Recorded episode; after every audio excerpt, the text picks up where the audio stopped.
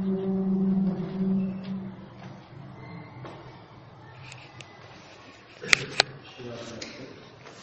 لله رب العالمين والصلاة والسلام على نبينا محمد وعلى آله وصحبه ومن تبعهم بإحسان إلى يوم الدين. أما بعد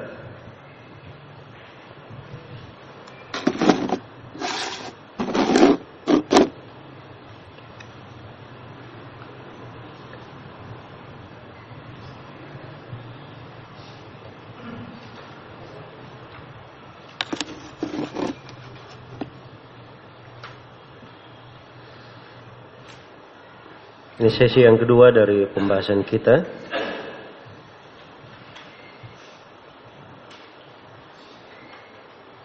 Terkait dengan pembahasan takdir.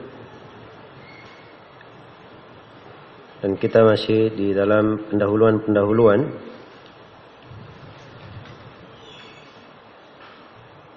seputar masalah takdir.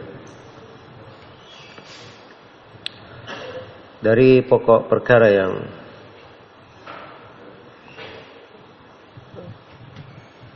mesti diketahui di pembahasan keimanan kepada al-qada wal qadar keimanan kepada ketentuan dan takdir Allah Subhanahu wa taala.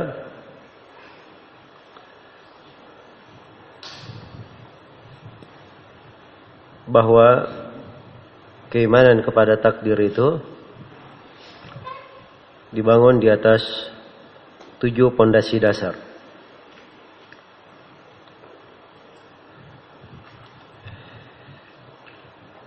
Yang biasa berjalan di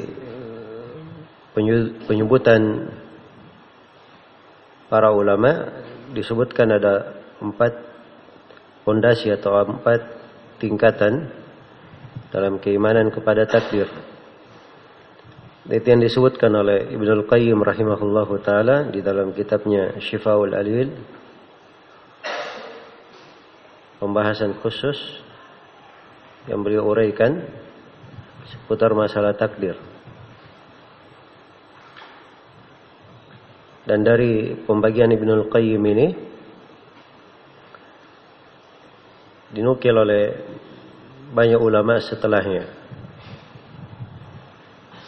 Apa yang disebut oleh Ibn Al-Qayyim rahimahullah pada empat fondasinya, empat tingkatannya itu adalah hal yang benar. Hanya saja dari sisi kesempurnaan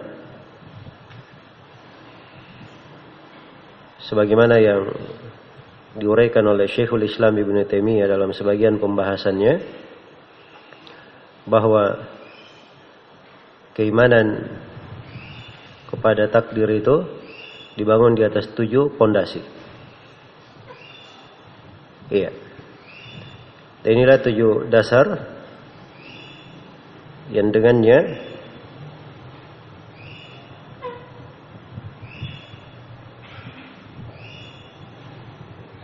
seorang membangun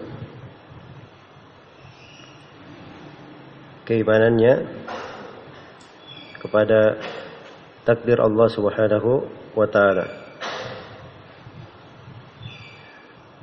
Baik.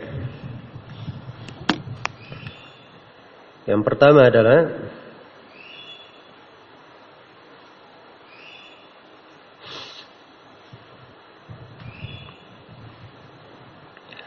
Dasar yang pertama adalah al-iman bi umumi ilmihi subhanahu wa ta'ala keimanan akan keumuman ilmu Allah Subhanahu wa taala yang mencakup segala sesuatu.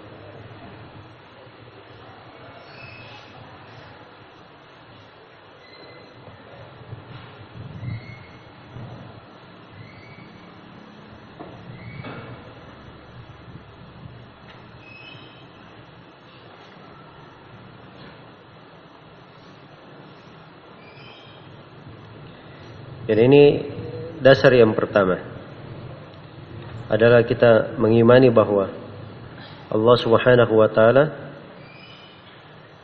Maha mengetahui segala sesuatu.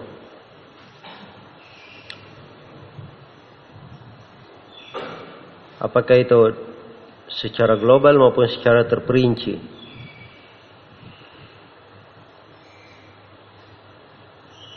Dan pengetahuan Allah Subhanahu wa taala terhadap segala sesuatu itu dari dahulu dan selama-lamanya. Apakah itu terkait dengan perbuatan Allah Subhanahu wa taala sendiri atau perbuatan dengan hambanya, perbuatan hambanya?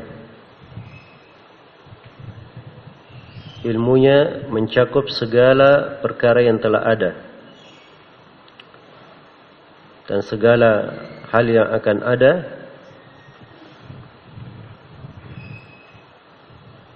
dan mencakup segala yang tidak akan ada andai kata ada bagaimana keberadaannya juga diketahui oleh Allah Subhanahu wa taala.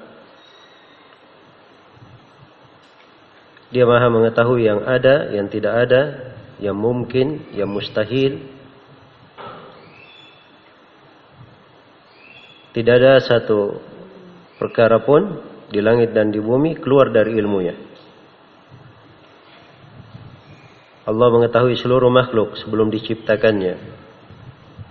Mengetahui rezeki mereka, ajal mereka, ucapan, amalan, gerakan-gerakan. Dan telah diketahui siapa yang penduduk sorga dan penduduk neraka. Iya.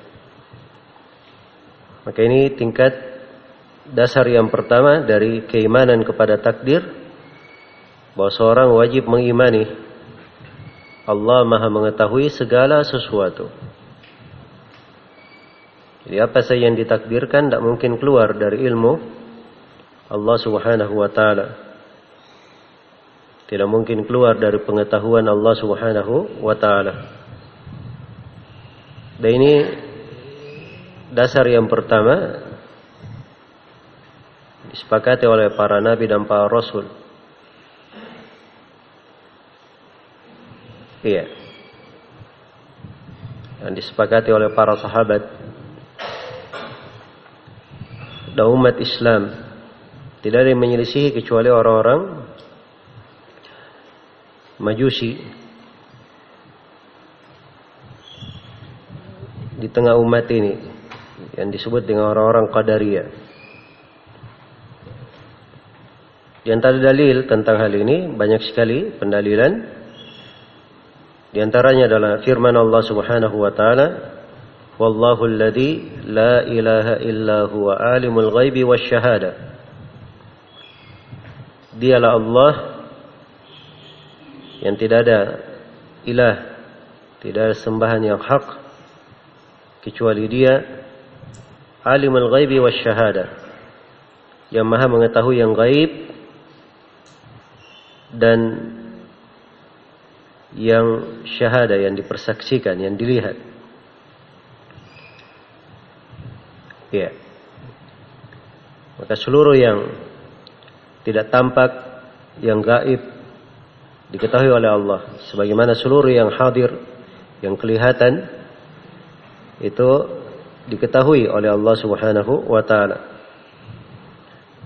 Tadi menafsirkan ayat ini Maha mengetahui yang rahasia dan yang tersembunyi.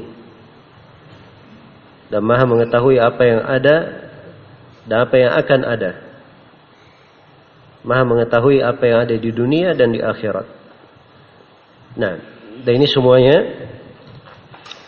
tercakup di dalam kandungan dari ayat ini.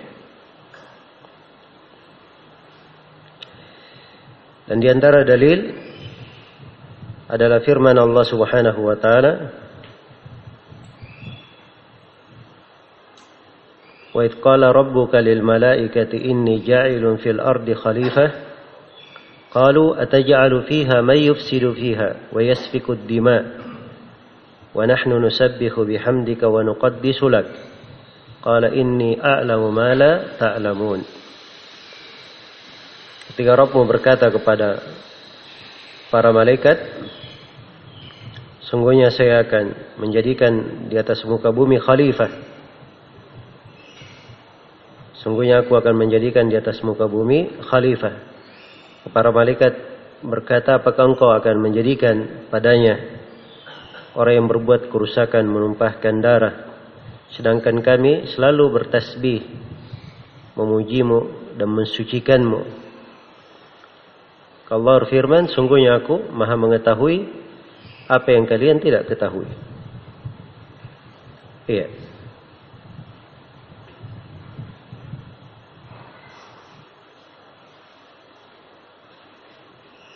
Allah mengetahui apa yang tidak diketahui oleh para malaikat. Karena Allah Subhanahu wa taala tahu iblis yang akan diciptakan bermaksiat. Sebagaimana Allah tahu dari makhluk yang dicipta ada para nabi, para rasul, orang-orang yang salih, ada penduduk sorga. Nah,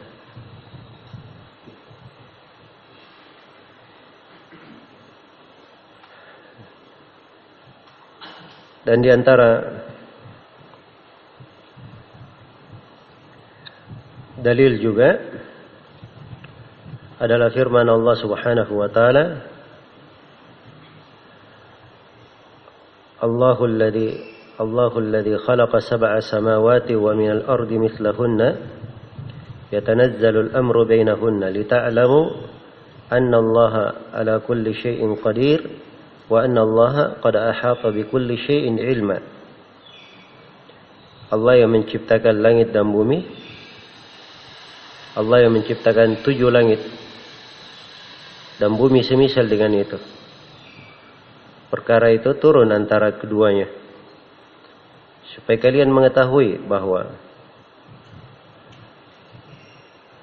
Allah maha mampu atas segala sesuatu dan ilmu Allah meliputi segala sesuatu. Iya.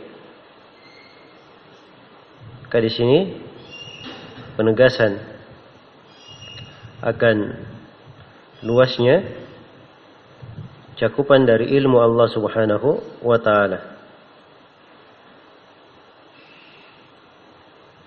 Iya. Dan di antara dalil juga Allah Subhanahu wa taala berfirman, "Wallahu bikulli syai'in alim." Allah Maha mengetahui segala sesuatu. Baik. Jadi ayat-ayat di dalam hal ini sangat banyak sekali.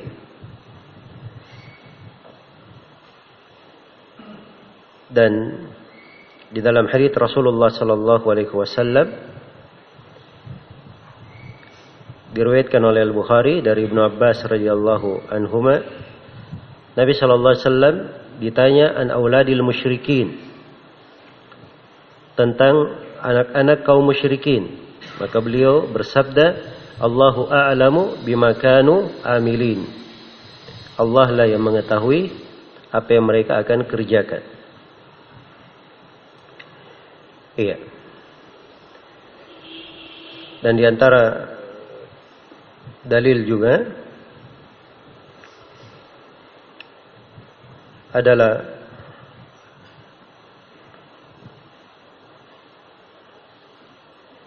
hadits Ali bin Abi Talib radhiyallahu anhu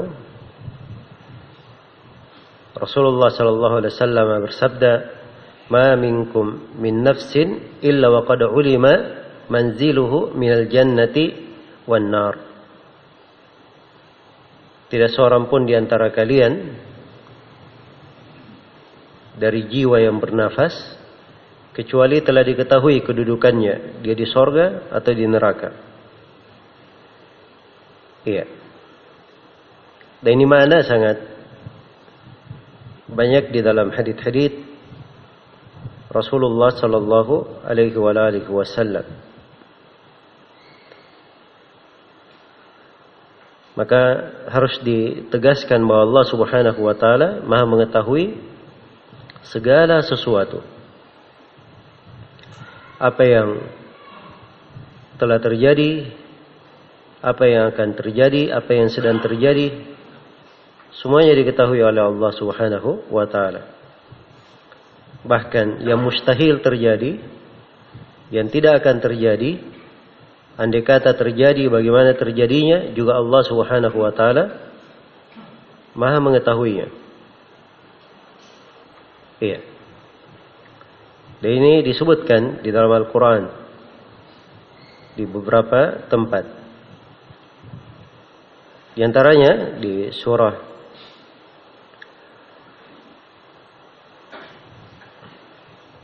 Al-An'am ketika Allah Subhanahu wa taala menjelaskan keadaan penduduk neraka di dalam neraka walau tara itu wukifu 'ala nari faqalu ya laitana nuraddu wa la nukadziba bi ayati rabbina wa nakuna minal mu'minin andai kata engkau melihat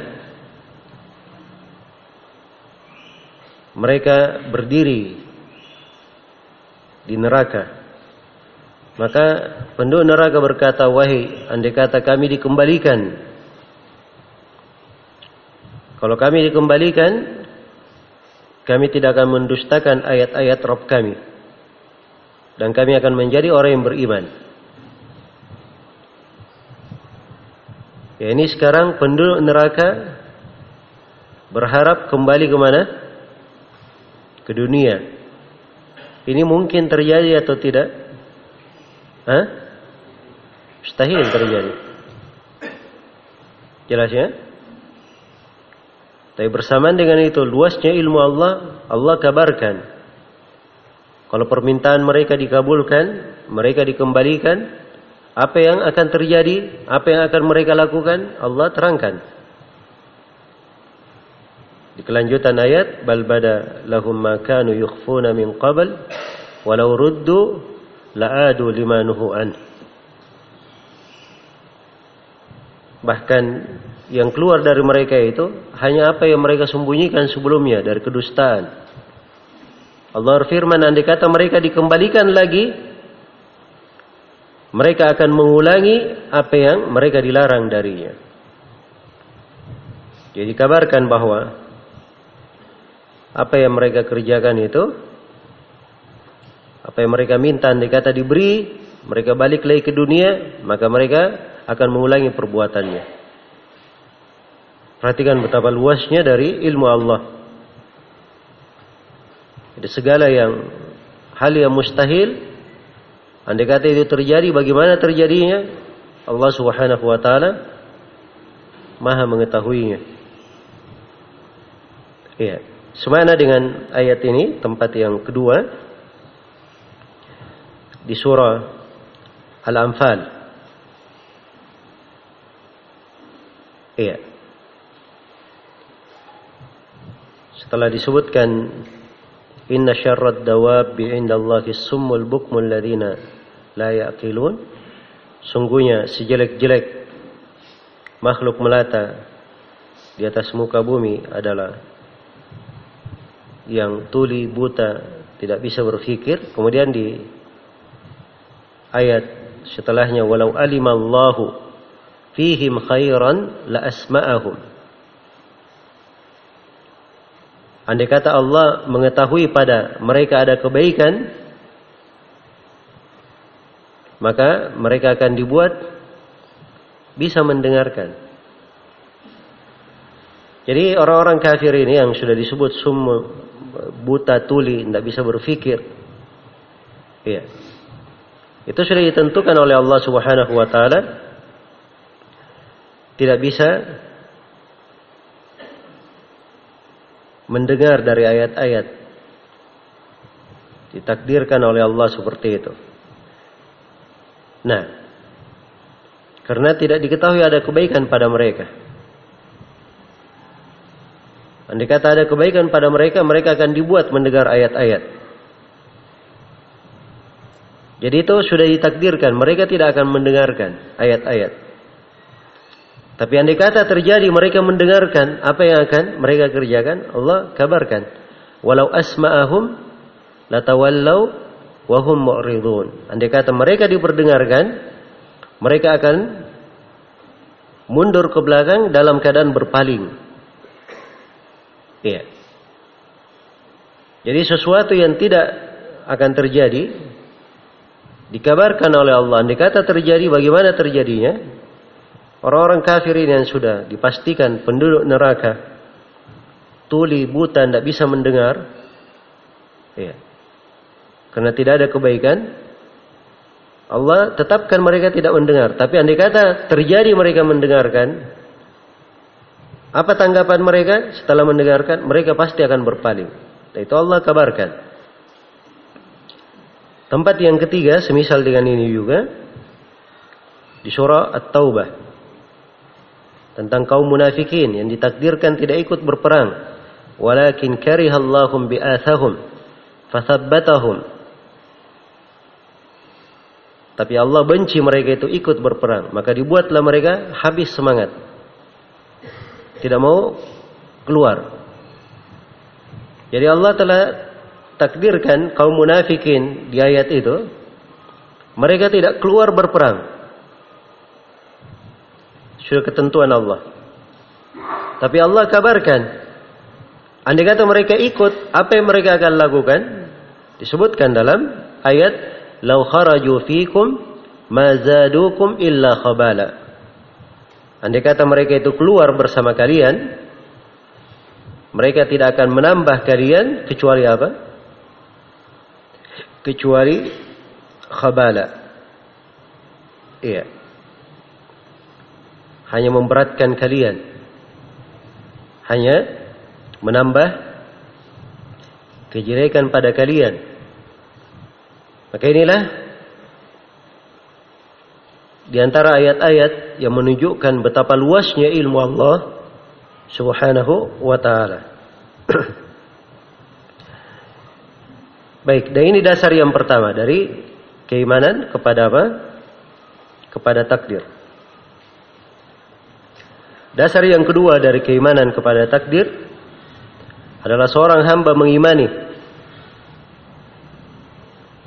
bahwa segala yang ditakdirkan itu sudah ditulis oleh Allah di Lauhul Mahfuz.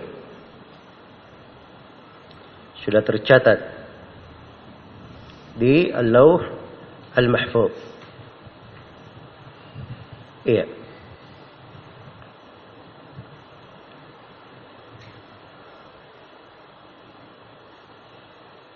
Jadi ini dari pokok keimanan di pembahasan seputar takdir.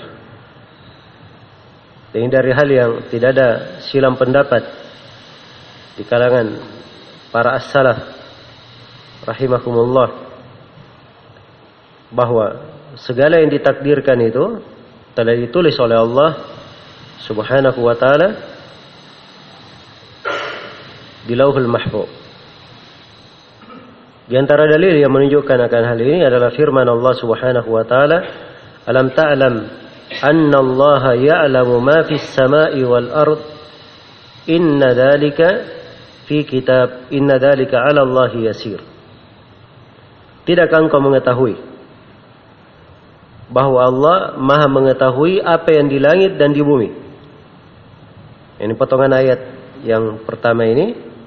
Ini dalil untuk luasnya ilmu Allah. Dalil untuk dasar yang pertama. Di akhir ayat dikatakan inna dzalika fi kitab. Seluruh hal tersebut berada di dalam sebuah kitab. Inna dzalika 'ala Allah yasir. Sungguhnya hal tersebut bagi Allah sangatlah mudah. Iya.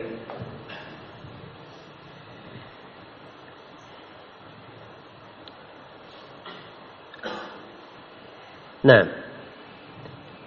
Jadi ayat ini tegas sekali.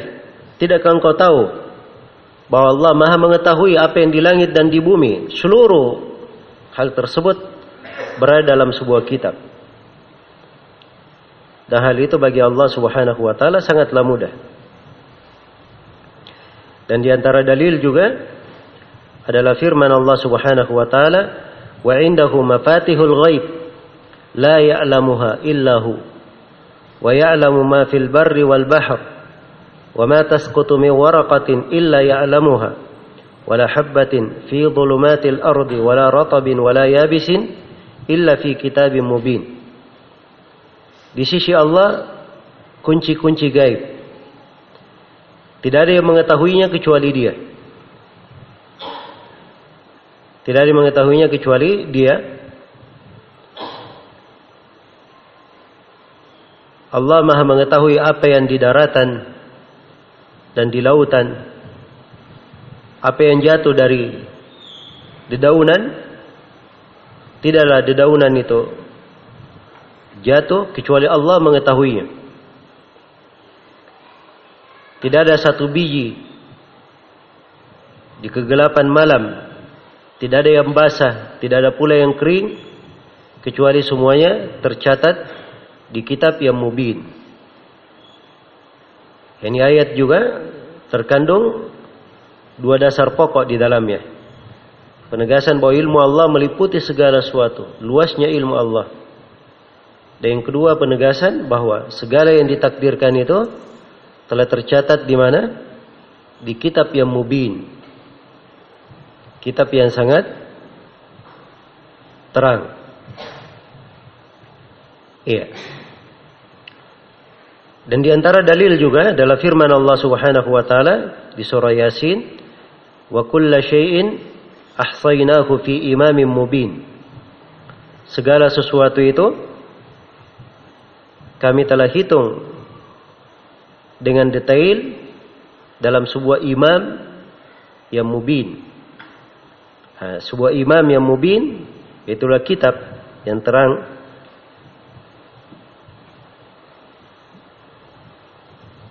itulah Allahul Mahfuz dan di antara dalil adalah firman Allah Subhanahu wa taala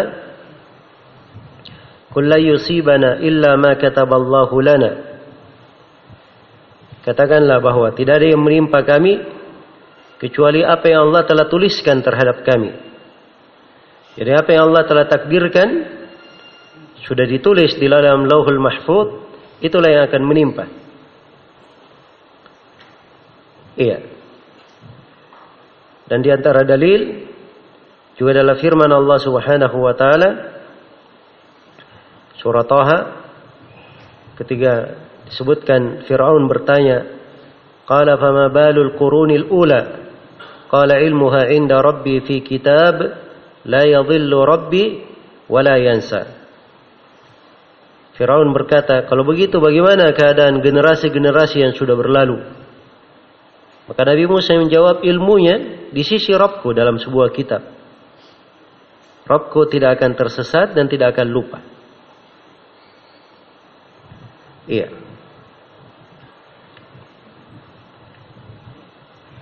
Dan di dalam ayat yang lain di surah Al-Anbiya Allah Subhanahu wa taala berfirman wa laqad katabna fi zaburi min ba'di dzikri anna al-arda yarithuha ibadiyas salihun. Sungguh kami telah tulis dalam Az-Zabur. Ya, Az-Zabur ini maksudnya Alkitab Al-Mazbur suatu yang ditulis. Apakah Taurat dan selainnya? Mimba didikri ya.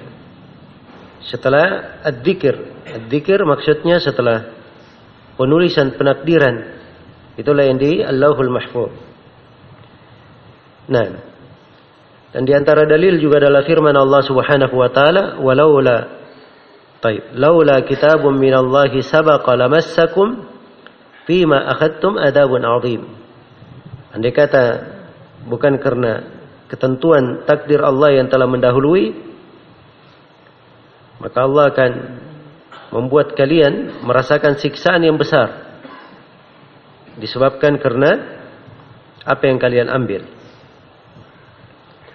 Nah, maka ini di antara ayat-ayat yang menjelaskan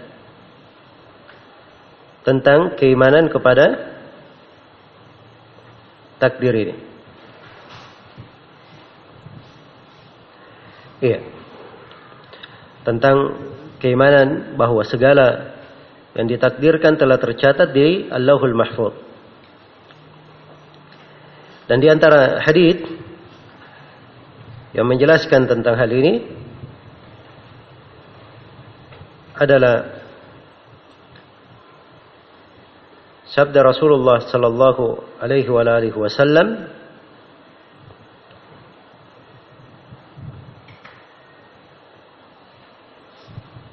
Ya, di antara yang paling masyhurnya adalah hadis Abdullah bin Amr bin As. Riwayat Muslim.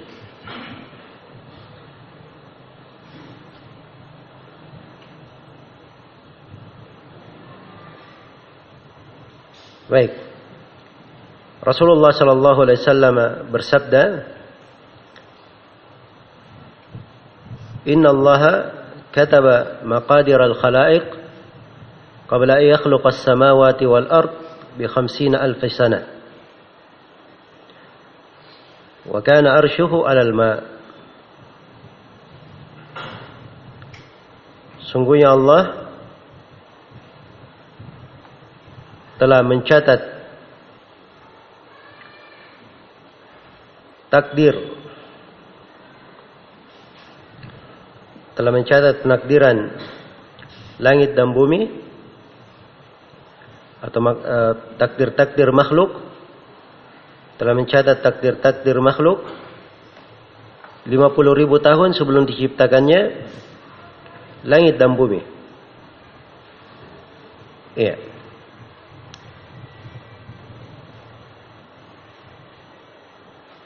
Dan dikatakan wa kana arsyuhu 'alal ma. Dan adalah arsy Allah di atas air.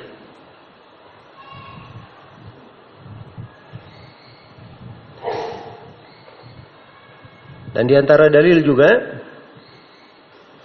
adalah hadis Imran ibn Husain radhiyallahu anhu riwayat Al-Bukhari.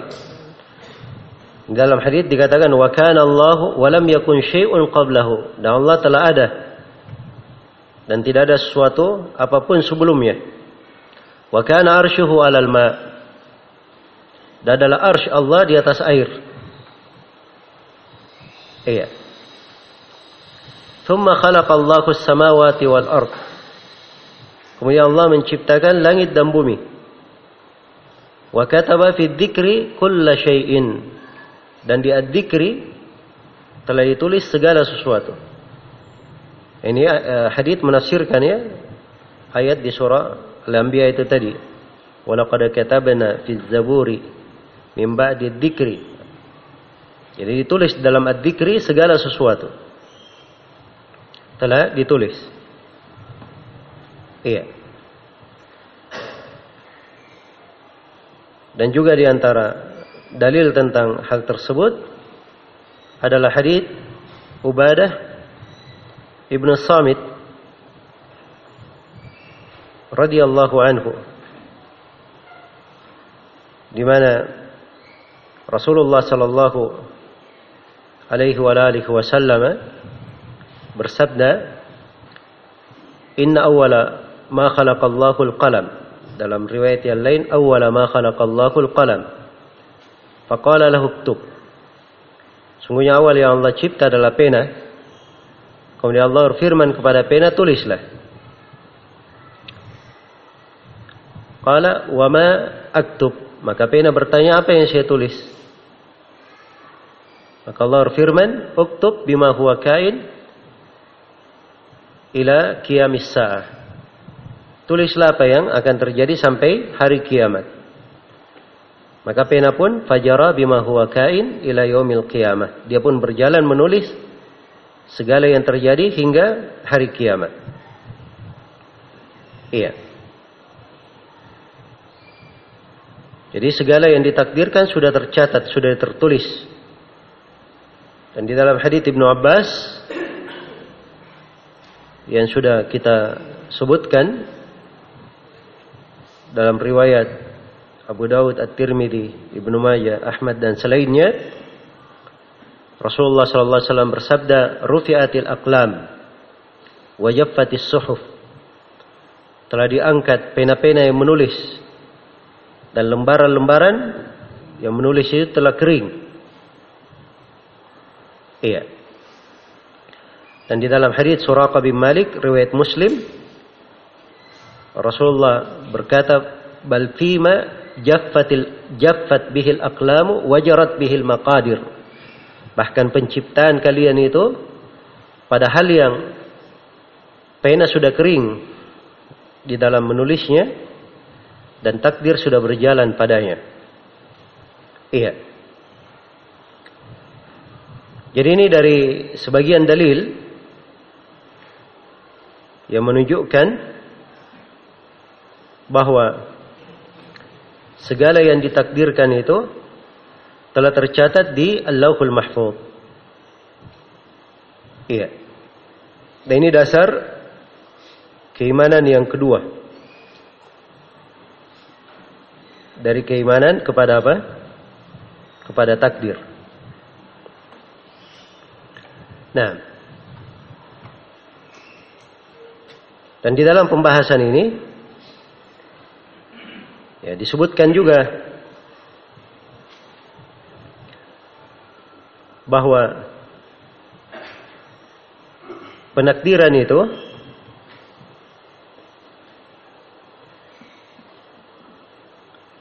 atau ini kita undur di pembahasan yang lain.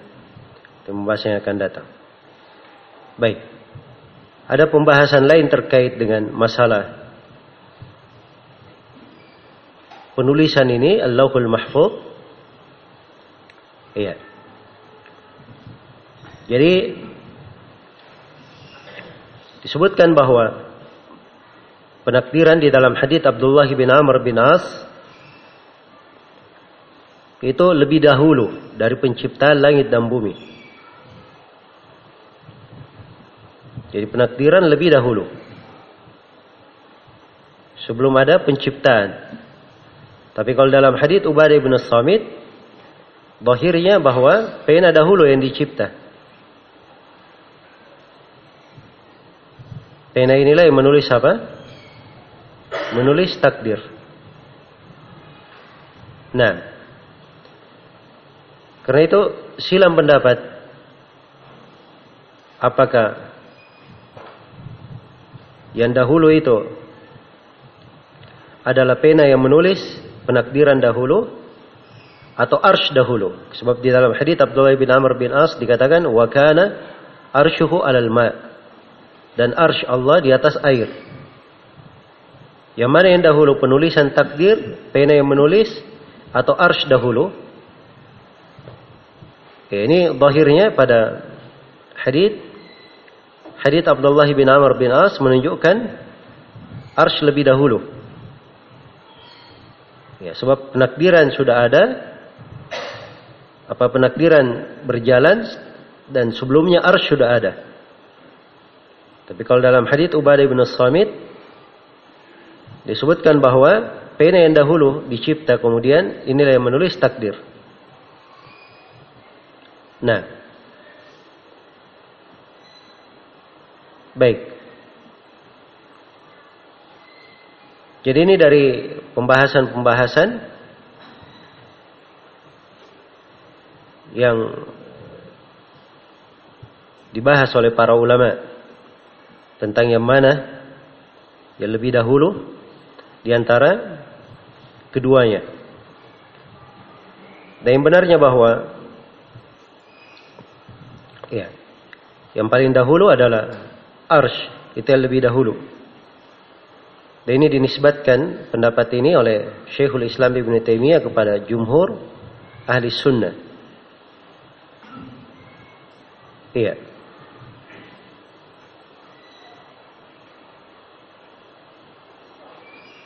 Dan sebagian ulama pendapat yang kedua mengatakan yang pertama adalah pena. Tapi sekali lagi zahir dari dalil-dalil menunjukkan bahwa harus lebih dahulu. Di antara dalilnya adalah hadits Abdullah bin Amr bin As itu tadi, wa arsyuhu 'alal ma. Dan arsy Allah sudah berada di atas air. Jadi sisi pendalilannya arsy sudah ada, sudah dicipta. Iya. Sebelum penakdiran itu. Dan di antara dalil juga adalah hadits Imran bin Husain riwayat Al-Bukhari yang sudah kita bacakan. Iya. Dikatakan kana Allah wa lam yakun syai'un ghairuhu wa kana arshuhu 'alal ma. Allah itu sudah ada dan tidak ada suatu apa pun selainnya. Dan arsy di atas air. Wa kataba fi dzikri kulla syai'in wa khalaqa as-samawati wal ard. Kemudian Allah menulis dalam adzikir segala sesuatu dan menciptakan langit dan bumi. Jadi menunjukkan bahwa arsy lebih dahulu daripada apa? pena daripada al-qalam. Nah. Baik. Dan ini insyaallah taala pendapat yang dikuatkan oleh kebanyakan ulama sebagaimana yang disebut oleh Syekhul Islam rahimahullah dan kata Ibnu Al-Qayyim rahimahullah di dalam dunianya wan nasu mukhtalifuna fil qalam alladhi كتب القضاء به من الديان هل كان قبل العرش أو هو بعده قولان عند أبي العلاء الحمداني والحق أن العرش قبل والحق أن العرش قبل لأنه عند الكتابة كان ذا أركان Ibn Al-Qayyim manusia itu silam pendapat pada pena yang takdir ditulis dengannya Penakdiran dari sisi Allah ditulis dengan pena itu. Apakah pena ini sebelum arsh atau pena setelah arsh? Dua pendapat di sisi Abu Ala Al-Hamadani. Misalnya seorang ulama ya, dan memang itu dua pendapat di kalangan ahli sunnah. Dan kata Ibn Al-Qayyim yang hak yang benarnya bahwa arsh lebih dahulu. Karena ketiga penulisan arsh itu sudah berdiri, sudah ada. Iya sudah tegak. Nah, maka ini di antara dalil yang menunjukkan bahwa arsh lebih dahulu daripada pena. Kemudian yang penting juga saya terangkan di sini dari Allahul Mahfud. Iya. Lauhul Mahfud ini dari kata al-lauh, al-lauh itu adalah sesuatu yang dipakai menulis. Dan lauh itu di dalam penggunaan bahasa kadang dia dari kertas, kadang dari kayu, kadang dari batu. Macam-macam. Yang jelas dia sesuatu yang dipakai apa? Menulis. Nah. Dan di dalam mensifatkannya, lauh ini terbuat dari apa? Itu ada sebagian riwayat-riwayat. Ya, hanya saja riwayat-riwayatnya itu perlu diperiksakan keabsahannya. Nah, sebagaimana pena juga ada sebagian riwayat yang menyebutkan bahwa dia adalah cahaya yang sangat terang, seperti cahaya yang sangat terang. Dan ini semuanya riwayat-riwayat perlu uh, pendalilannya untuk menetapkannya. Yang jelas Al-lauh dipahami dari sisi bahasa. Al-qalam juga dipahami dari sisi apa? Bahasa. Iya, pena. Jadi Allahul Mahfud, Mahfud itu tempat artinya yang terjaga. Penulisan dijaga di situ. Jadi segala yang ditakdirkan sudah tercatat di Allahul Mahfud. Tidak ada yang luput. Iya. Dari hal tersebut. Dan ini subhanallah dari keagungan Allah subhanahu wa ta'ala dan kebesarannya.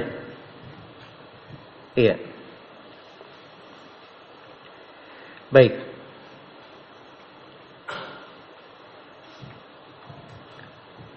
Kemudian yang ke tiga yang perlu saya terangkan di sini dari pembahasan terkait dengan penulisan di dalam hadits Ibadah ibnu Samit disebutkan Inna awwala ma khalaqallahu al-qalam. Sungguhnya awal yang Allah cipta adalah pena. Disebut al-qalam dengan lafaz mufrad.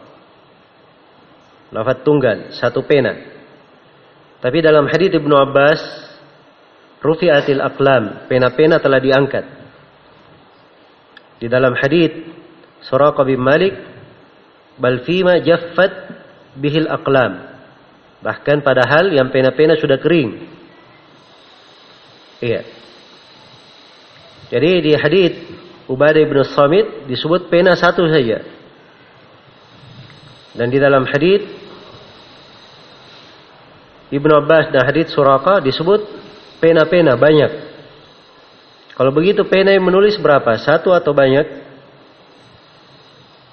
Iya. Ini adanya riwayat menafsirkan sebagiannya terhadap sebagian yang lain. Pena itu cuma satu.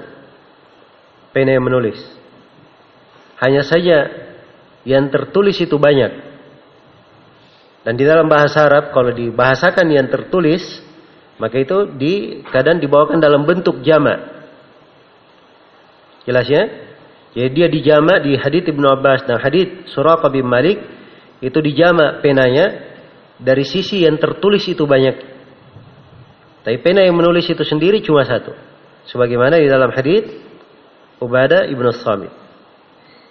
Nah, jadi ini terkait dengan iskal seputar riwayat ini itu yang diterangkan oleh para ulama kita dan itu yang kita terima dari guru-guru kita.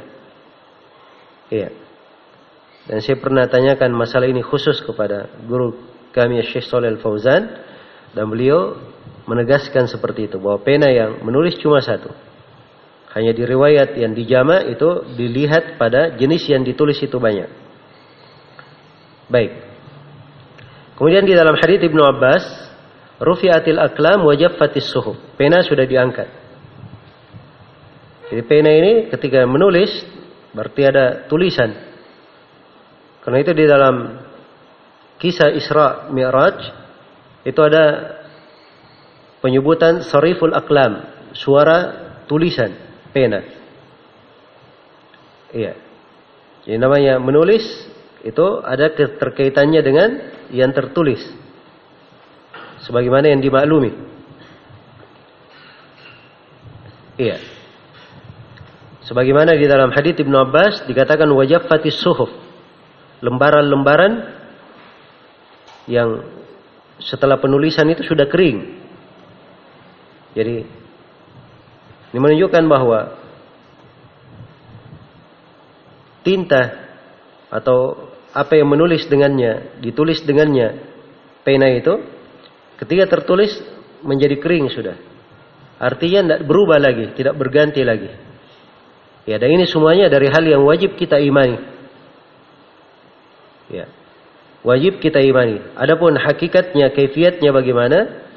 Itu dari ilmu yang hanya boleh diucapkan berdasarkan dalil dari Al-Quran dan Sunnah Rasulullah Sallallahu Alaihi Wasallam. Kalau tidak ada dalil yang menjelaskannya, maka dasarnya kita diam akan hal tersebut. Kita hanya mengimani apa yang dikabarkan. Iya. Baik. Kemudian di antara pembahasan juga di bab ini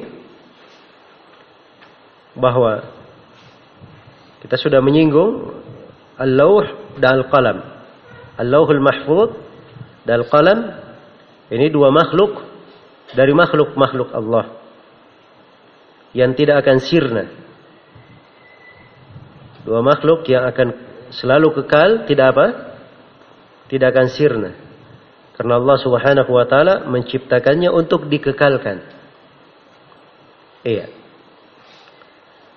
Dan ini ada delapan makhluk yang seperti ini. Delapan makhluk yang Allah ciptakan untuk kekal. Delapan makhluk dicipta untuk kekal ini disebutkan oleh As-Suyuti dalam dua bait syair. Kata beliau thamaniyatun hukmul baqa'i ya ummuha min al-khalqi wal bakuna fi hayyizil adam.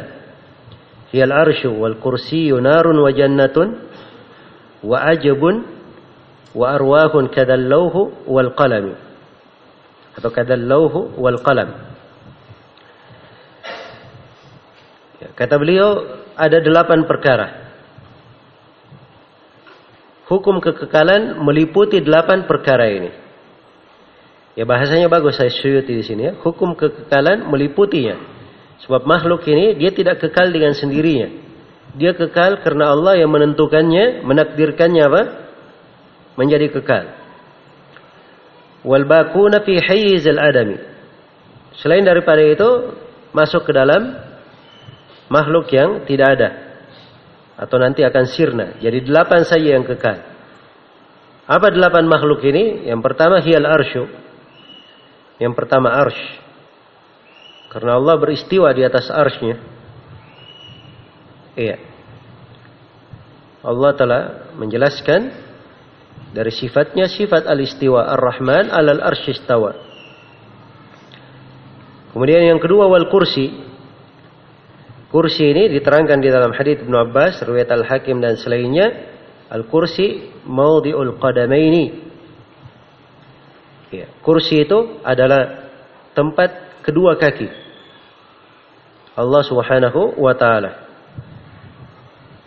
Nah, yang ketiga dan yang keempat adalah sorga dan neraka. Ya. Jadi katakan apa? Hiyal arsyu wal kursiyu narun wa jannatun. Sorga dan neraka. Ya. Sorga dan neraka ini memang dicipta untuk kekal. Karena itu terhadap penduduk sorga dikatakan khalidina fiha. Kekal di dalamnya. Penduduk neraka juga begitu kekal di dalamnya. Karena ini dua makhluk Allah Subhanahu wa taala ciptakan untuk dikekalkan. Dan yang kelima, wa ajabun. Wa ajabun yaitu ajabud danab. Tulang ekor. Iya, manusia. Sebagaimana dalam hadis riwayat Bukhari dan Muslim, Rasulullah bersabda, "Laisa minal insani syai'un illa yabla." Illa adman wahidan wa huwa ajabud dhanab wa minhu yurakkabul khalqu tidak ada suatu pun dari manusia kecuali akan sirna. Akan musnah. Kecuali satu tulang. Yaitu ajabud danab tulang ekor. Dan darinya lah manusia akan dibentuk lagi pada hari kiamat. Iya Baik. Kemudian yang keenam adalah ruh. Ya, karena ruh itu sebagaimana dalam riwayat-riwayat ya. Dia tidak sirna. Begitu seorang meninggal ruhnya keluar, berpindah ke alam lain. Iya. Jadi ruh ini banyak ada beberapa alam yang dilewati di perut ibu, di alam dunia, di alam barzah dan di akhirat. Dan roh dicipta untuk kekal. Nah, apalagi setelah kematian disembeli antara sorga dan neraka, didatangkan kematian dalam bentuk kambing, lalu disembeli. Maka dikatakan kepada penduduk sorga, kekekalan tidak ada lagi kematian. Pada penduduk neraka juga kekekalan tidak ada lagi kematian. Maka ruh akan selalu apa? Bersamanya. Kemudian yang ke tujuh dan ke delapan dari makhluk yang kekal adalah al-lauh wal qalam. Iya, al-lauhul mahfud itu tempat dicatatnya takdir sebagaimana yang telah diterangkan. Dan itu dicipta untuk dikekalkan. Sebagaimana al-qalam juga seperti itu. Iya. Dan ini semuanya dari hal-hal yang benar ya. Menunjukkan bahwa delapan makhluk ini diciptakan oleh Allah Subhanahu wa taala untuk kekal. Iya. Dan ini delapan hal ini yang disebut oleh Suyuti, disebut juga oleh Ibn Abil Iz dalam syarah akidah tahawiyah dan itu yang ditetapkan uh, oleh para ulama kita dari dahulu hingga belakangan. Dalam dua bait syair ini saya pernah bacakan kepada guru kami Syekh Shalal Fauzan hafizahullah dan beliau menyetujui seluruh kandungan yang ada di dalamnya. Baik. Jadi ini pembahasan tentang beberapa pembahasan pelengkap terkait dengan dasar keimanan yang kedua. Jadi sekali lagi dasar keimanan yang kedua dalam masalah takdir apa tadi? Kita wajib mengimani bahwa segala yang ditakdirkan telah tercatat di mana? Di Allahul Mahfuz. Baik. Kemudian pembahasan yang ketiga atau dasar keimanan yang ketiga?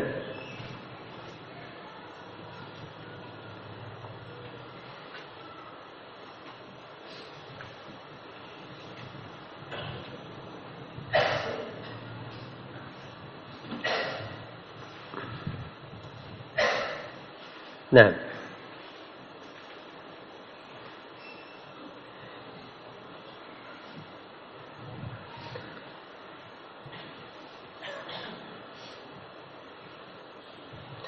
Baik. Dasar yang ketiga adalah kita mengimani bahwa segala yang ditakdirkan itu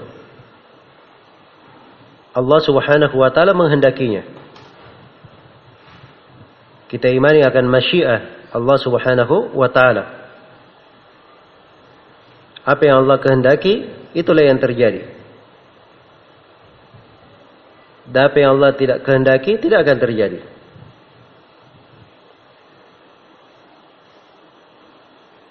Tidak ada suatu gerakan apa pun di atas muka bumi ini dan tidak ada bentuk diam apa pun, tidak ada petunjuk, tidak ada yang disesatkan kecuali semuanya dengan kehendak Allah Subhanahu wa taala. Semuanya di bawah masyiah Allah di bawah kehendaknya. Iya. Banyak dalil yang menunjukkan akan dasar pokok ini. Di antara dalilnya adalah firman Allah Subhanahu wa taala, "Wa rabbuka yakhluqu ma yasha'u wa yakhtar." Dan Rabbmu mencipta apa yang Dia kehendaki dan memilih apa yang dia kehendaki. Iya. Allah Subhanahu wa taala menciptakan apa yang dia kehendaki dan memilih apa yang dia kehendaki. Dan di antara dalil adalah firman Allah Subhanahu wa taala wala taqulanna li syai'in inni fa'ilun dzalika gadan illa ayyasha Allah. Jangan sekali-sekali kamu berucap tentang sesuatu, saya akan mengerjakannya besok. Kecuali kalau Allah menghendakinya. Jadi semuanya di bawah kehendak Allah. Iya, di bawah masyianya.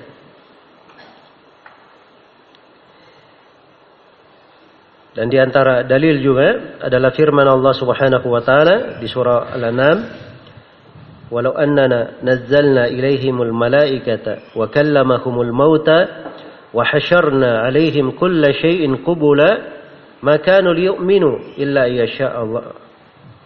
Makanu liyu'minu illa ayyasha Allah. Andai kata kami menurunkan kepada mereka para malaikat dan mereka dibicarai langsung orang-orang yang sudah mati dan kami kumpulkan segala sesuatu. Maksudnya andai kata tanda-tanda ayat-ayat ini datang kepada orang-orang kafir, iya,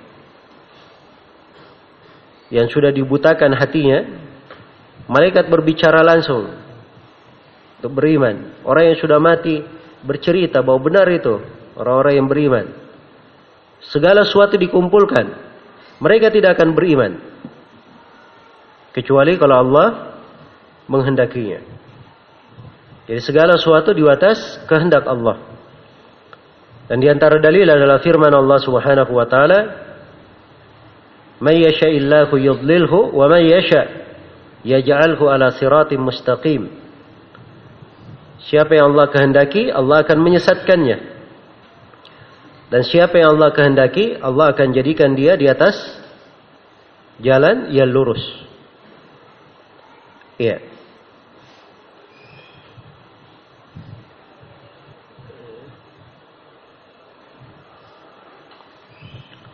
Dan di antara dalil juga adalah firman Allah, "Walakin Allah yaf'alu ma yurid."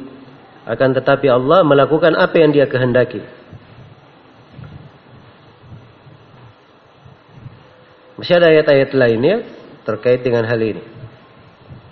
Dan dari hadith-hadith Rasulullah sallallahu alaihi wasallam banyak hadith yang menunjukkan tentang hal itu di antaranya hadith riwayat Muslim Rasulullah sallallahu alaihi wasallam bersabda inna quluba bani adam kulluha baina isba'aini min asabi'ir rahman kaqalbin wahidin yusarrifuhu haitsu yasha Sesungguhnya hati-hati anak Adam itu antara dua jari dari jari jemari Allah, dari jari jemari Allah Ar-Rahman. Seperti satu hati, Allah membolak-baliknya sesuai dengan kehendaknya. Disebutkan sesuai dengan kehendaknya. Iya. Dan di dalam hadis Abu Musa Al-Asy'ari Rasulullah Shallallahu Alaihi Wasallam apabila didatangi oleh seorang yang meminta atau orang yang ada keperluan maka beliau berkata isfau tu'jaru wa yaqdillahu ala lisani nabihi masya berilah syafaat kalian akan diberi pahala dan Allah memutuskan melalui lisan nabinya apa yang dia kehendaki iya jadi segala sesuatu ini itu semuanya dibangun di atas kehendak Allah. Tidak ada yang keluar darinya. Tidak ada yang keluar darinya. Iya. Apa saja. Walau sya'allahu maqtatalu walakin Allah yaf'alu ma yasha. Andai kata Allah berkehendak, mereka tidak saling berperang, tapi Allah melakukan apa yang Dia kehendaki. Walau sya'allahu la jama'ahum 'alal huda Nanti kata Allah berkehendak, Allah akan mengumpulkan mereka di atas petunjuk. Iya. Walau syaa rabbuka la'amana man fil ardi kulluhum jami'a. Andai kata Rabbmu berkehendak, maka seluruh yang ada di atas muka bumi akan beriman. Maka semuanya dibangun di atas kehendak Allah Subhanahu wa taala. Iya. Dan ini terkait dengan apa? terkait dengan dasar yang ketiga bahwa segala yang terjadi ini itu dengan kehendak Allah Subhanahu wa taala. Terjadi dengan apa? Kehendak Allah Subhanahu wa taala. Baik. Sisa di sini ada satu pembahasan yang perlu diterangkan dan ini dari hal-hal yang sangat penting di pembahasan takdir. Iya, saya akan isyaratkan nanti di sela-sela pembahasan Syekhul Islam Ibn Taimiyah menguraikan sumber-sumber penyimpangan di dalam masalah takdir. Salah satu sumber penyimpangan di dalam masalah takdir adalah seorang tidak membedakan antara dua jenis iradah. Jadi Allah itu maha berkehendak. Punya masyiah, punya irada. Dan apa yang Allah subhanahu wa ta'ala takdirkan, itu semuanya dengan iradatillah. Dengan kehendak Allah. Dan irada Allah subhanahu wa ta'ala, kehendak Allah itu terbagi dua. Ada irada kauniyah, qadariyah, dan ada irada syariah diniyah. Ada dua jenis iradah. Iya. Dua jenis kehendak. Dan ini dari pembagian yang penting ya untuk dipahami. Jadi irada Allah Subhanahu wa taala terbagi berapa tadi? Terbagi dua. Ada irada kauniyah, qadariyah, dan yang kedua ada irada apa? Syariah diniyah. Ya kalau di apa namanya? Di bahasa ringkasnya ada irada kauni, ada irada apa? Syariah. Iya. Ada irada kauni dan ada irada syariah. Nah, irada kauniyah ini itu irada yang semana dengan kata kehendak. Semana dengan masyiah. Nah, itulah yang terkait dengan penakdiran.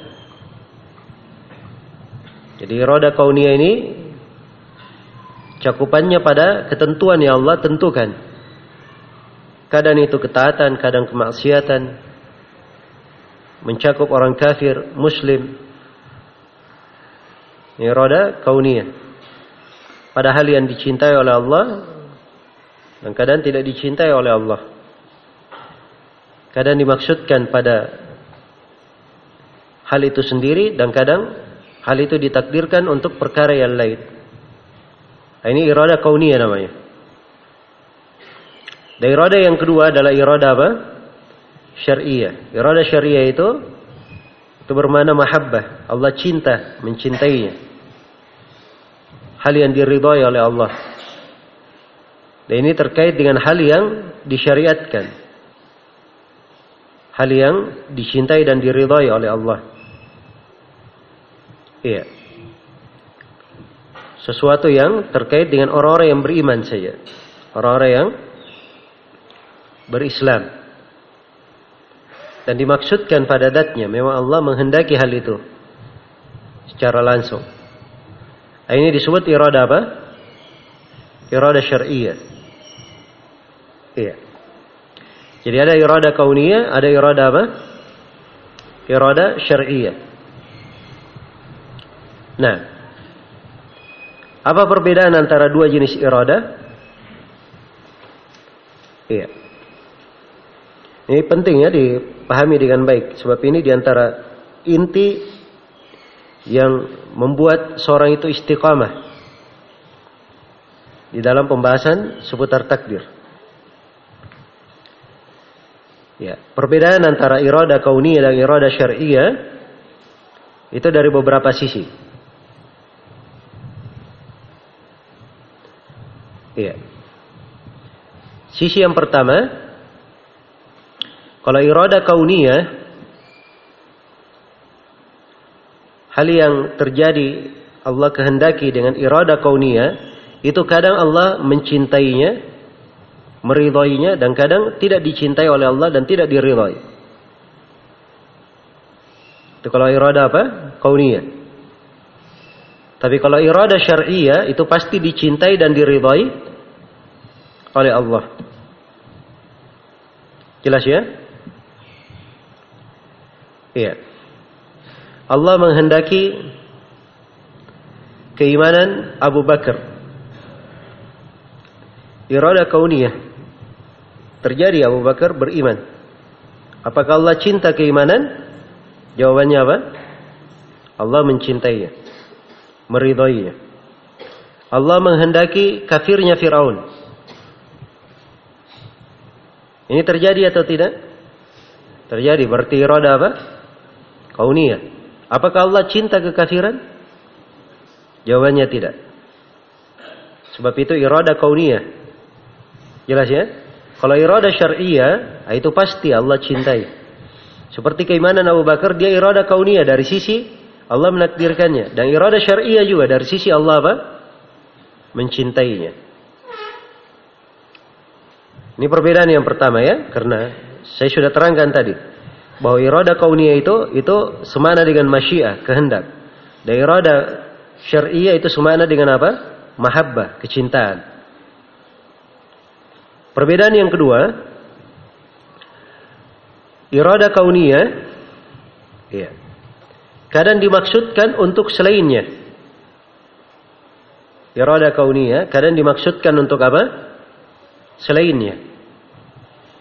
Sekarang Allah menakdirkan menghendaki diciptakannya iblis menghendaki diciptakannya dosa dan maksiat. Untuk apa hal itu? Ada hikmah di sisi Allah. Ada maksud di belakangnya. Jelas ya? Iya. Jadi maksud diinginkannya ada hal yang lain di belakangnya.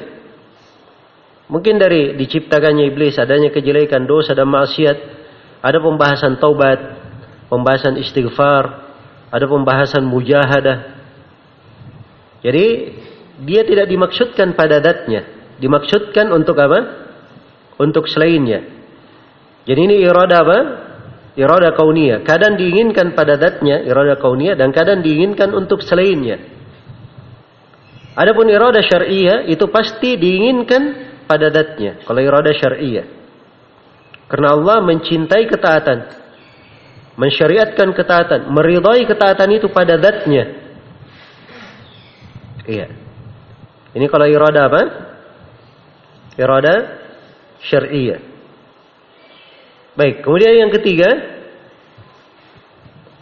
Perbedaan yang ketiga, kalau irada kauniyah itu pasti terjadi. Pasti terjadi. Iya. Karena Allah kalau menghendaki sesuatu pasti terjadi, tidak ada yang bisa menolaknya. Iya. Innama amruna li syai'in idza aradnahu an naqula lahu kun fayakun. Sungguhnya perintah kami pada suatu kalau kami menghendakinya, kami berkata terjadilah, maka terjadilah sesuatu itu. Jelas ya? Maka ini irada apa? Hah? Irada kauniyah. Suatu itu pasti terjadi. Iya. Adapun irada syariah, irada syariah tidak mesti dia terjadi. Kadang terjadi, kadang tidak terjadi. Iya. Allah mencintai keimanan, menghendaki keimanan. Irada apa ini? Keimanan tadi? Hah? Kauniyah atau syariah? Syariah. Baik, saya tanya. Semua manusia beriman? Jawabannya tidak. Jelas ya? Karena ini irada kauniyah. Kadang terjadi, kadang tidak terjadi. Iya. Baik. Kemudian perbedaan dari sisi yang keempat. Irada kauniyah itu itu keterkaitannya dengan rububiyah Allah dan penciptaannya. Irada kauniyah keterkaitannya dengan rububiyah Allah dan apa? Penciptanya. Adapun irada syariah itu terkait dengan uluhiyah Allah dan apa? Syariatnya. Itu perbedaan dari jenis yang keempat. Jadi kalau irada kauniyah itu terkait dengan rububiyahnya, penciptaannya. Allah menetapkan, menakdirkan, memutuskan, menetapkan ini hidup, ini mati, dapat rezeki, ini tidak dan sebagainya. Nah, ini terkait dengan rububiyah dan penciptaan. Adapun irada syariah terkait dengan uluhiyahnya, terkait dengan syariatnya. Nah, ini jelas, ya. Perbedaan dari sisi yang keberapa? Perbedaan dari sisi yang kelima. Iya. Irada kauniyah itu lebih umum. Iya. Lebih umum dilihat pada keterkaitannya. Lebih umum dilihat dari dari keterkaitannya. Iya.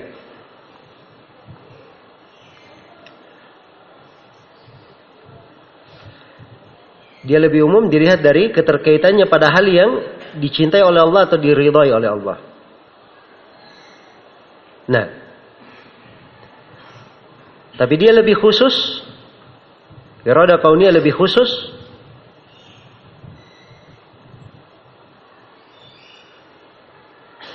Iya. Dari sisi dia terkait dengan apa namanya keimanan orang kafir uh, dari sisi terkait dengan masalah lebih khusus dari sisi dia tidak terkait dengan keimanan orang kafir atau ketaatan seorang yang apa? Yang fasik. Iya. Ini kalau irada kauniyah. Kalau irada syariah kebalikannya. Irada syariah dia lebih umum. Dari sisi dia terkait dengan segala yang diperintah. Iya, terjadi maupun tidak terjadi. Tapi dia lebih khusus. Ya, lebih khusus daripada irada kauniyah, di mana irada kauniyah itu dia mencakup yang diperintah maupun tidak diperintah. Ini khusus untuk diperintah saja. Baik. Ini perbedaan dari sisi apa? Keumuman dan kekhususannya. Iya. Jadi perbedaan yang kelima ini saya ulangi kalau irada kauniyah dia lebih umum. Dari sisi keterkaitannya dia mencakup hal yang dicintai oleh Allah, diridhoi oleh Allah, ya. Ataupun tidaknya, dia lebih umum. Dan irada syariah lebih khusus dari sisi itu. Ya. Tapi sebaliknya, kalau irada syariah dia lebih umum dari sisi dia mencakup segala yang diperintah. Segala yang diperintah, terjadi maupun tidak terjadinya. Beda dengan irada kauniyah, itu tidak terkait dengan keimanannya orang kafir, ketaatan orang fasik. Sebab orang kafir diminta beriman, dia tidak akan beriman. Karena takdir Allah, dia tidak akan beriman. Jelasnya, maka itu tidak terkait dengan irada kauniyah di situ. Terkaitnya dengan irada apa? Irada syariah.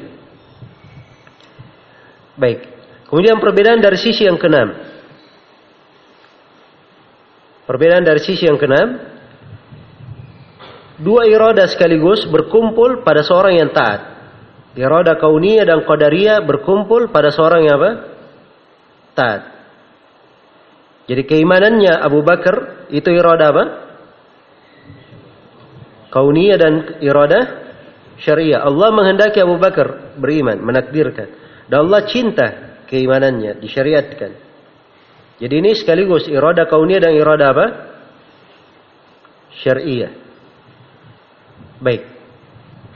Irada kauniyah bersendirian pada kekafiran orang kafir, maksiat orang yang bermaksiat. Jadi kalau kafir-kafir, dia menjadi kafir, dikatakan Allah menghendaki dia kafir. Kehendak apa? Kauniyah saja. Iya. Jelas ya? Maka itu terjadi karena kehendak Allah dan apa yang Allah kehendaki pasti terjadi. Tapi sudah berlalu ya, irada kauniyah belum tentu dicintai oleh Allah. Dan irada syariah bersendirian pada keimanan orang yang kafir atau ketaatan orang yang maksiat. Jadi kafir diajak beriman. Si fasik diajar taat. Dihendaki untuk taat, dihendaki untuk beriman. Ini kehendak apa? Kehendak syar'i. Ya. Kehendak Allah yang bersifat syar'i, irada syar'iyah. Tapi si kafir mungkin dia beriman, si fasik mungkin dia taat dan mungkin tidak beriman, mungkin tidak taat. Jelas ya? Maka ini tiga kondisi. Irada kauniyah dan syariah berkumpul pada hak orang yang taat. Irada syariah pada kekafiran orang yang kafir, kemaksiatan orang yang maksiat. Dan irada syariah yang kedua tadi irada kauniyah pada kafir orang yang kafir, kemaksiatan orang yang bermaksiat. Dan irada syariah pada keimanan orang kafir dan ketaatan orang yang apa? Bermaksiat. Baik. Ini kalau dipahami enam perbedaan antara irada kauniyah dan irada syariah maka akan banyak sekali membantu seorang hamba lepas dari syubhat penyimpangan-penyimpangan di pembahasan apa? takdir. Sekarang saya beri contoh ya penerapan. Orang-orang Mu'tazilah iya dari kalangan Qadariyah An-Nufah Qadariyah Al-Majusiyah mereka ini mengatakan bahwa kalau si hamba berbuat maksiat, maka perbuatan maksiat hamba itu adalah kehendak hamba sendiri, bukan kehendak Allah. Ini benar atau tidak ini? Hah? Saya tanya benar atau tidak? Salah. Karena sudah menyelisih kaidah yang ketiga tadi. Kaidah yang ketiga segala yang ditakdirkan terjadi dengan apa? Kehendak Allah. Ini dia katakan bukan kehendak Allah, kehendak siapa? Si hamba. Ada lagi ucapannya lain di masalah yang keempat nanti. Dia katakan itu perbuatan hamba, ciptaan hamba bukan ciptaan Allah. Jadi perbuatannya bermaksiat itu ciptaan hamba sendiri, bukan ciptaan Allah. Ini orang-orang Mu'tazilah. Kenapa dia berkata seperti itu? Ini lihat apa yang menjadi sebab dia jatuh dalam penyimpangan. Orang-orang Mu'tazilah berkata, iya, kejelekan tidak boleh dinisbatkan kepada Allah. Maha suci Allah menghendaki hambanya apa? Berbuat zina, mencuri, merampok. Kan begitu? Iya. Jadi mereka mengatakan maha suci Allah menghendaki hal itu untuk hambanya. Kalau begitu perbuatan hamba di sini perbuatannya sendiri, kehendaknya sendiri. Ya. Dan ini kekeliruannya. Kalau dia paham pembagian iroda mudah saja. Di sini si hamba berbuat maksiat itu iroda apa? Iroda kauniyah. Allah menghendakinya secara takdir. Apakah Allah cinta? Jawabannya apa? Tidak Allah cintai. Sebab itu iroda apa? Kauniyah. Jadi ucapan mereka kalau Allah menghendaki seperti itu, berarti Allah mencintainya, meridainya itu sudah salah dari asalnya. Nah, ini yang menyebabkan mereka jatuh di dalam apa? Di dalam kekeliruan. Iya. Baik. Saya berikan ayat-ayat yang membedakan ini antara dua iroda supaya jelas. Sekarang ayat Al-Quran Allah berfirman wa idza arada Allahu biqaumin su'an fala maraddalah kalau Allah menghendaki kejelekan pada suatu kaum, maka tidak ada yang bisa menolaknya. Sini wa arada, Allah menghendaki kejelekan pada satu kaum, tidak ada yang bisa menolaknya. Irada apa di sini dalam ayat?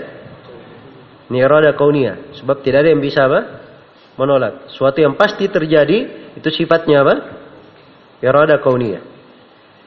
Ayat lain, "Faman yuridillahu an yahdiyahu yashrah sadrahu lil Islam."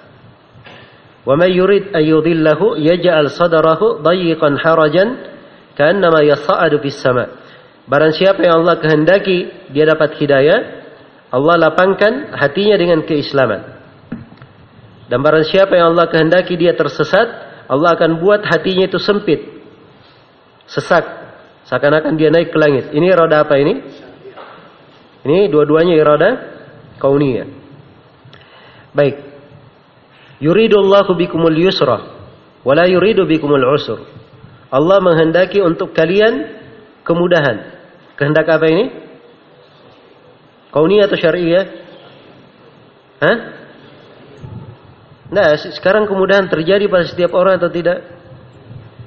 Berarti ini roda apa? Ini roda syariah. Allah menghendaki secara syar'i kemudahan untuk kalian.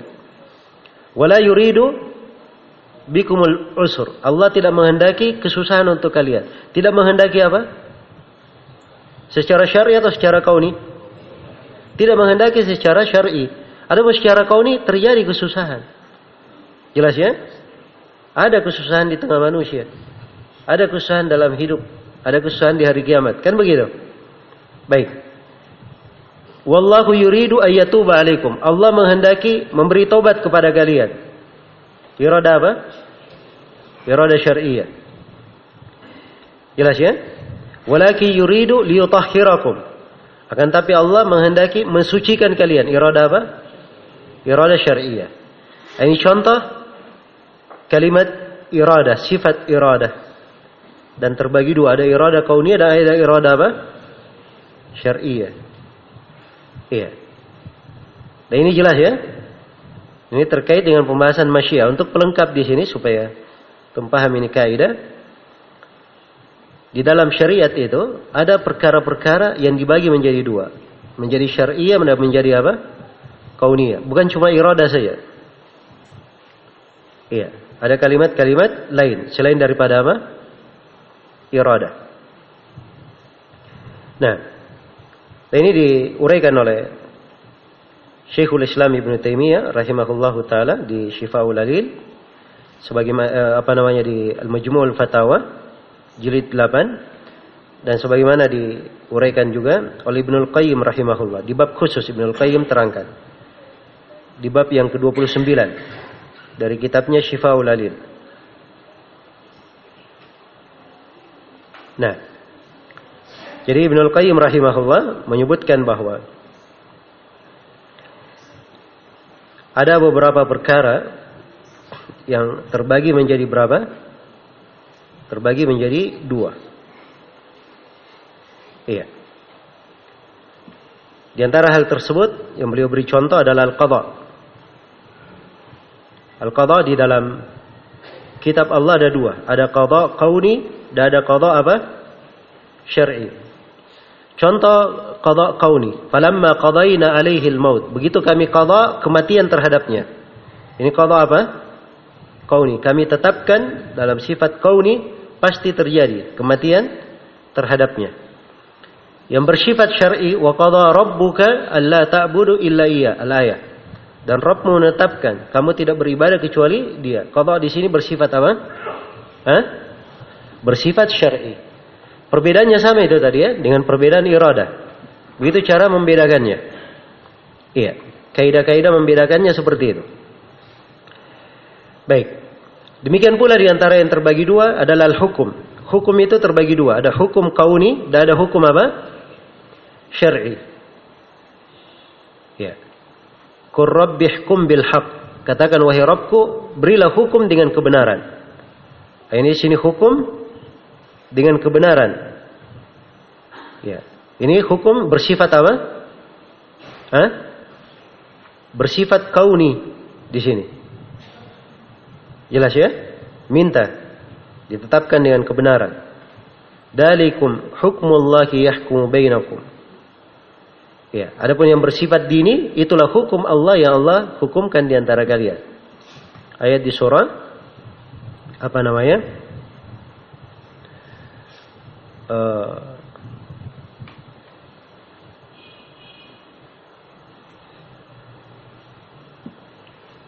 apa nama surahnya ya ayyuhalladzina amanu la tattakhidu aduwi wa aduwakum awliya. Ya, di surah itu. Baik. Jadi di situ hukum yang bersifat apa? Bersifat dini. Jadi ada yang kauni, ada yang sifatnya dini. Jelas ya? Jadi harus pandai dibedakan. Tapi kadang dimaksudkan di dalamnya dua sekaligus. Iya. Nah. Kadang diinginkan dengannya dua sekaligus. Seperti firman Allah Subhanahu wa taala, "Wasbir di hukmi rabbika. Bersabarlah engkau terhadap hukum Rabbmu. Hukum di sini yang diinginkan apa? Hukum kauni dan hukum apa? Syar'i. Antum perhatikan ya lafat-lafat supaya paham. Kenapa para ulama membagi sabar menjadi tiga? Ada sabar dalam menjalankan ketaatan, sabar dalam meninggalkan larangan, dan sabar dalam menerima apa? Ketentuan.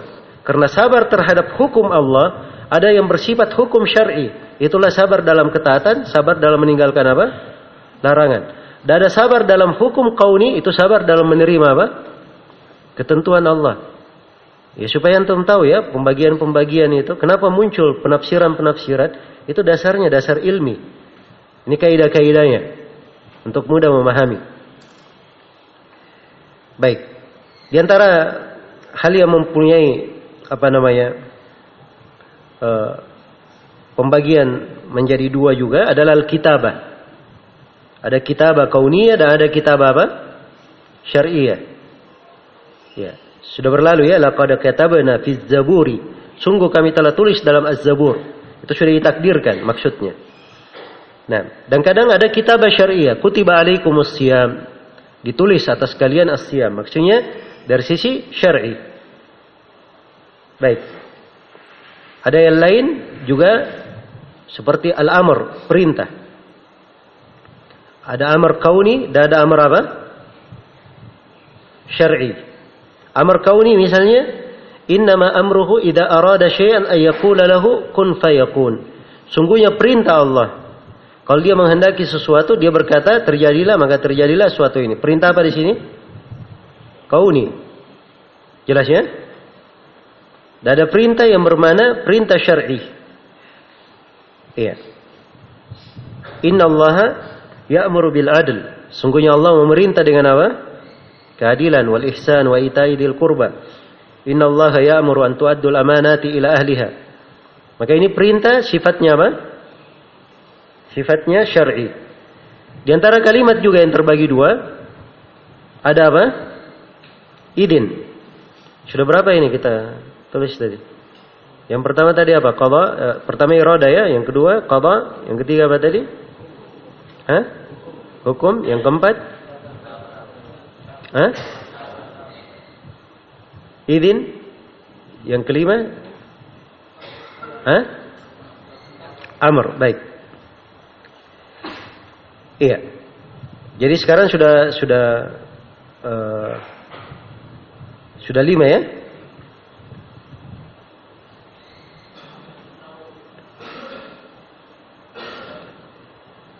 Ya, saya, saya ulangi irada, kemudian qadha, kemudian hukum, kemudian kitabah. Kemudian kelima, amr. Berarti sudah lima. Sekarang yang keenam, idin. Idin itu ada idin syar'i, ada idin apa? Kauni. Iya. Yang bersifat kauni misalnya firman Allah Subhanahu wa taala, "Wa ma hum bidarrin bihi min ahadin illa bi idnillah." Mereka tidak bisa membahayakan siapa pun kecuali dengan izin Allah. Izin di sini mana ya apa? Kauni maksudnya dengan takdir Allah. Ya. Ingat ya, kauniyah qadariyah itu selalu berkaitan. Kauniyah qadariyah. Syar'i apa? Diniyah. Contoh yang dini, ya. Contoh diri firman Allah Subhanahu wa taala, "Ma qata'tum min lina aw taraktumuha qa'imatan ala usuliha fa bi idnillah." Di sini idnillah dengan izin Allah maksudnya dengan hal yang diperintah oleh Allah dan diridhai. Kalau memang diperintah oleh Allah memutusnya, memotongnya di situ, barulah dipotong. Kalau ada perintah dengan izin. Yang ketujuh, al-ja'al. Ya, ada al-ja'alul kauni dan ada al-ja'alu apa? Asy-syar'i. Ja'ala ya. Ja'ala itu menjadikan. Ya. Nah, seperti firman Allah, "Wallahu ja'ala lakum min anfusikum azwaja." Allah menjadikan untuk kalian istri-istri atau pasangan-pasangan dari diri diri kalian. Di sini ja'ala dijadikan apa? Kauni atau syar'i? Ini sifatnya kauni. Ditakdirkan setiap manusia dijadikan ada pasangan. Nah, yang bersifat syar'i, ja'alallahu al-ka'batal baital haram qiyaman linnas. Allah menjadikan Ka'bah itu sebagai baitul haram supaya manusia melakukan kiam di dalamnya. Di sini sifatnya apa? Dini, syar'i. Allah menghendakinya. Itu sudah berapa? Tujuh. Yang kedelapan. Kalimat. Ada kalimat kauniyah dan ada kalimat apa? Syar'iyah. Kalimat kalam ada yang bersifat kauni dan ada yang bersifat syar'i. Seperti firman Allah, watabbat apa namanya watammat kalimatu rabbika. Sidqan wa adala. Telah sempurna kalimat Rabbmu kejujuran dalam bentuk kejujuran dan apa? Keadilan. Ini sifatnya kauni sudah sempurna. Nah adapun yang bersifat apa namanya? Dini adalah firman Allah Subhanahu wa taala Wa in ahadun minal musyrikin astajaraka fa'ajirhu hatta yasma'a kalam Allah. Kalam dia mendengar kalam Allah maksudnya kalam syar'i. Dan kadang berkumpul ya dua sekaligus, kauni dan syar'i. Seperti pada uh, tentang Maryam Allah firman wasaddaqat rabbiha wa kutubi. Dan Maryam membenarkan kalimat-kalimat Rabbnya dia beriman kepada kalimat Rabbnya. Berarti dia beriman kepada kalimat Allah yang bersifat kauni dan bersifat apa? Syar'i. Perhatikan ya cakupannya. Jadi kalau antum tahu pembagian-pembagian ini dan baca ayat-ayat itu luar biasa. Di dalam menyelami makna pada ayat. Di dalam menjabarkan kandungan. Karena itu sebagian ulama satu ayat mereka tafsirkan dalam beberapa majlis. Satu ayat. Karena memang dari kandungan Kalimat-kalimat syar'i, kalimat-kalimat dalam Al-Quran dan Hadith itu cakupannya luas, mananya mendalam. Iya. Ini sudah berapa ini? Hah? Delapan. Yang kesembilan, al-ba'ath. Al-ba'ath ada yang bersifat kauni dan ada yang bersifat apa? Syar'i. Nah, yang bersifat apa namanya? Kauni misalnya فإذا جاء وعد أولاهما ba'atna 'alaikum ibadan lana. Kalau sudah datang hal yang diancam pada salah satu dari keduanya, maka kami akan kirim utus kepada kalian dari hamba-hamba kami. Jangan-jangan dianggap bahwa diutusnya hamba ini Allah cintai orang yang berbuat kerusakan ini. Tidak. Tapi ini pengutusan dalam sifat apa? Kauni. Sudah dimaklumi ya, yang bersifat kauni mungkin Allah cintai dan mungkin tidak dicintai. Iya. Jadi perhatikan penggunaan kauni dan uh, syar'i ini ini berlaku pada seluruh kalimat ini. Mana-mananya supaya lurus pemahaman. Kalau tidak didudukkan seperti itu, dia bisa banyak keliru memahami ayat-ayat. Ya, dan bisa banyak dibisiki oleh syaitan dari syubhat-syubhat. Tapi kalau dia kuat pemahamannya, insya Allah akan mudah dia memahami. Contoh al-ba'ath yang bermana syar'i. Huwallazi ba'atha fil ummiyina rasulan minhum. Dialah Allah yang mengutus di tengah lummiyin orang-orang Arab seorang rasul di tengah mereka. Ini pengutusan bersifat apa? Hah? Bersifat syar'i. Allah mencintainya. Baik, sudah sembilan. Yang ke sepuluh. Al-irsal. Al-ba'ath pengutusannya pembangkitan. Al-irsal, al-irsal pengutusan juga. Irsal ada yang bersifat kauni. Alam arsalna, alam tara anna arsalna syayatina alal kafirina ta'uzzuhum azza. Iya. Tidakkah engkau melihat bahwa kami mengutus syaitan-syaitan terhadap orang kafir itu melakukan azza terhadap mereka. Ini bersifat apa? Bersifat kauni. Kalau bersifat dini, huwallazi arsala rasulahu bil huda wa dinil haq. Dialah Allah yang mengutus rasulnya dengan petunjuk dan apa? Agama yang lurus. Jelas ya? Iya. Jadi ada yang bersifat kauni, ada yang bersifat dini. Baik. Yang ke berapa sekarang? Yang ke sebelas at-tahrim. Ada at-tahrim bersifat kauni, pengharaman kauni. Nah, seperti firman Allah Subhanahu wa taala, "Wa haramun ala qaryatin ahlaknaha annahum la yarji'un." Haram terhadap satu kaum yang kami telah binasakan haram mereka itu kembali lagi. Tidak mungkin dia kembali lagi kalau sudah dibinasakan. Ini haram bersifat apa? Kau ini tidak pasti terjadi selama-lamanya tidak akan kembali. Dan yang kedua, tahrim bersifat dini. Bersifat pengharaman agama. Hurrimat alaikumul maita. Diharamkan atas kalian apa? Bangkai. Dari sisi hukum syar'i diharamkan. Iya. Hurrimat alaikum ummahatukum wa banatukum dan seterusnya. Itu dari sisi hukum apa? hukum syar'i. Yang kedua belas, al-ita. Pemberian. Ada ita kauni dan ada ita apa? Syar'i. Wallahu yu'ti mulkahu man yasha. Allah memberi kekuasaannya Allah memberi kekuasaannya kepada siapa yang dia kehendaki. Di sini memberi bersifat apa? Kauni. Iya. Jadi kalau Allah sudah menghendaki siapa diberi, terjadi sebagaimana yang Allah kehendaki. Tidak ada yang bisa menolaknya. Jelas ya? Baik. Ada yang bersifat dini, ita bersifat apa? Dini bersifat syar'i. Ya. Wa ma atakumur rasulu fakhudu. Apa yang dibawa oleh Rasul, didatangkan oleh Rasul, terimalah dia. Didatangkan di sini bersifat apa? Syar'i. Nah, Baik ini berapa kalimat ini? Hah? Sudah berapa tadi? 12 ya? Baik. Jadi itu sudah 12 kalimat. Iya. Dan ada kalimat-kalimat lain sebenarnya selain daripada 12 ini. Iya.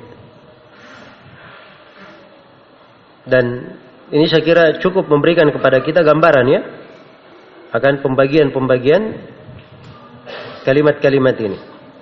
Ya. Nah, masih ada uh, al-insya. Al-insya belum ya?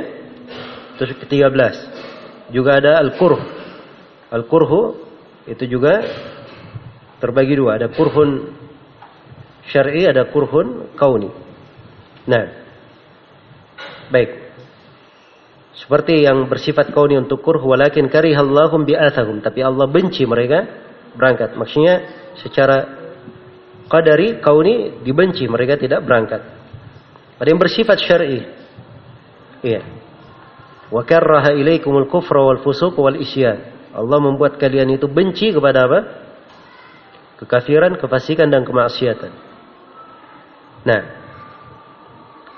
Baik. Jadi ini perbedaan atau di antara kalimat-kalimat semuanya jumlahnya ada 14 kalimat. Ya, dan mungkin saja ada kalimat yang lainnya, ada hal yang lain. Cuma ini yang ada di dalam pemaparan Syekhul Islam Ibnu Taimiyah dan Ibnu Qayyim rahimahumullahu taala. Ya. Maka kalau seorang pandai mendudukkan posisi-posisi syar'i antara kauniyah, qadariyah dan syar'iyah diniyah, maka dia akan pandai di dalam memahami nas-nas. Akan luas wawasannya. Akan luas wawasannya. Baik. Jadi selesai sudah ya kita membahas tiga dasar pokok dari keimanan kepada takdir. Untuk kelanjutan pembahasan insyaallah taala kita kaji di sesi yang akan datang. Sementara cukupkan sampai sini. Subhanakallahumma wa bihamdik. Asyhadu an la ilaha illa anta astaghfiruka wa atubu ilaik. Walhamdulillahirabbil alamin.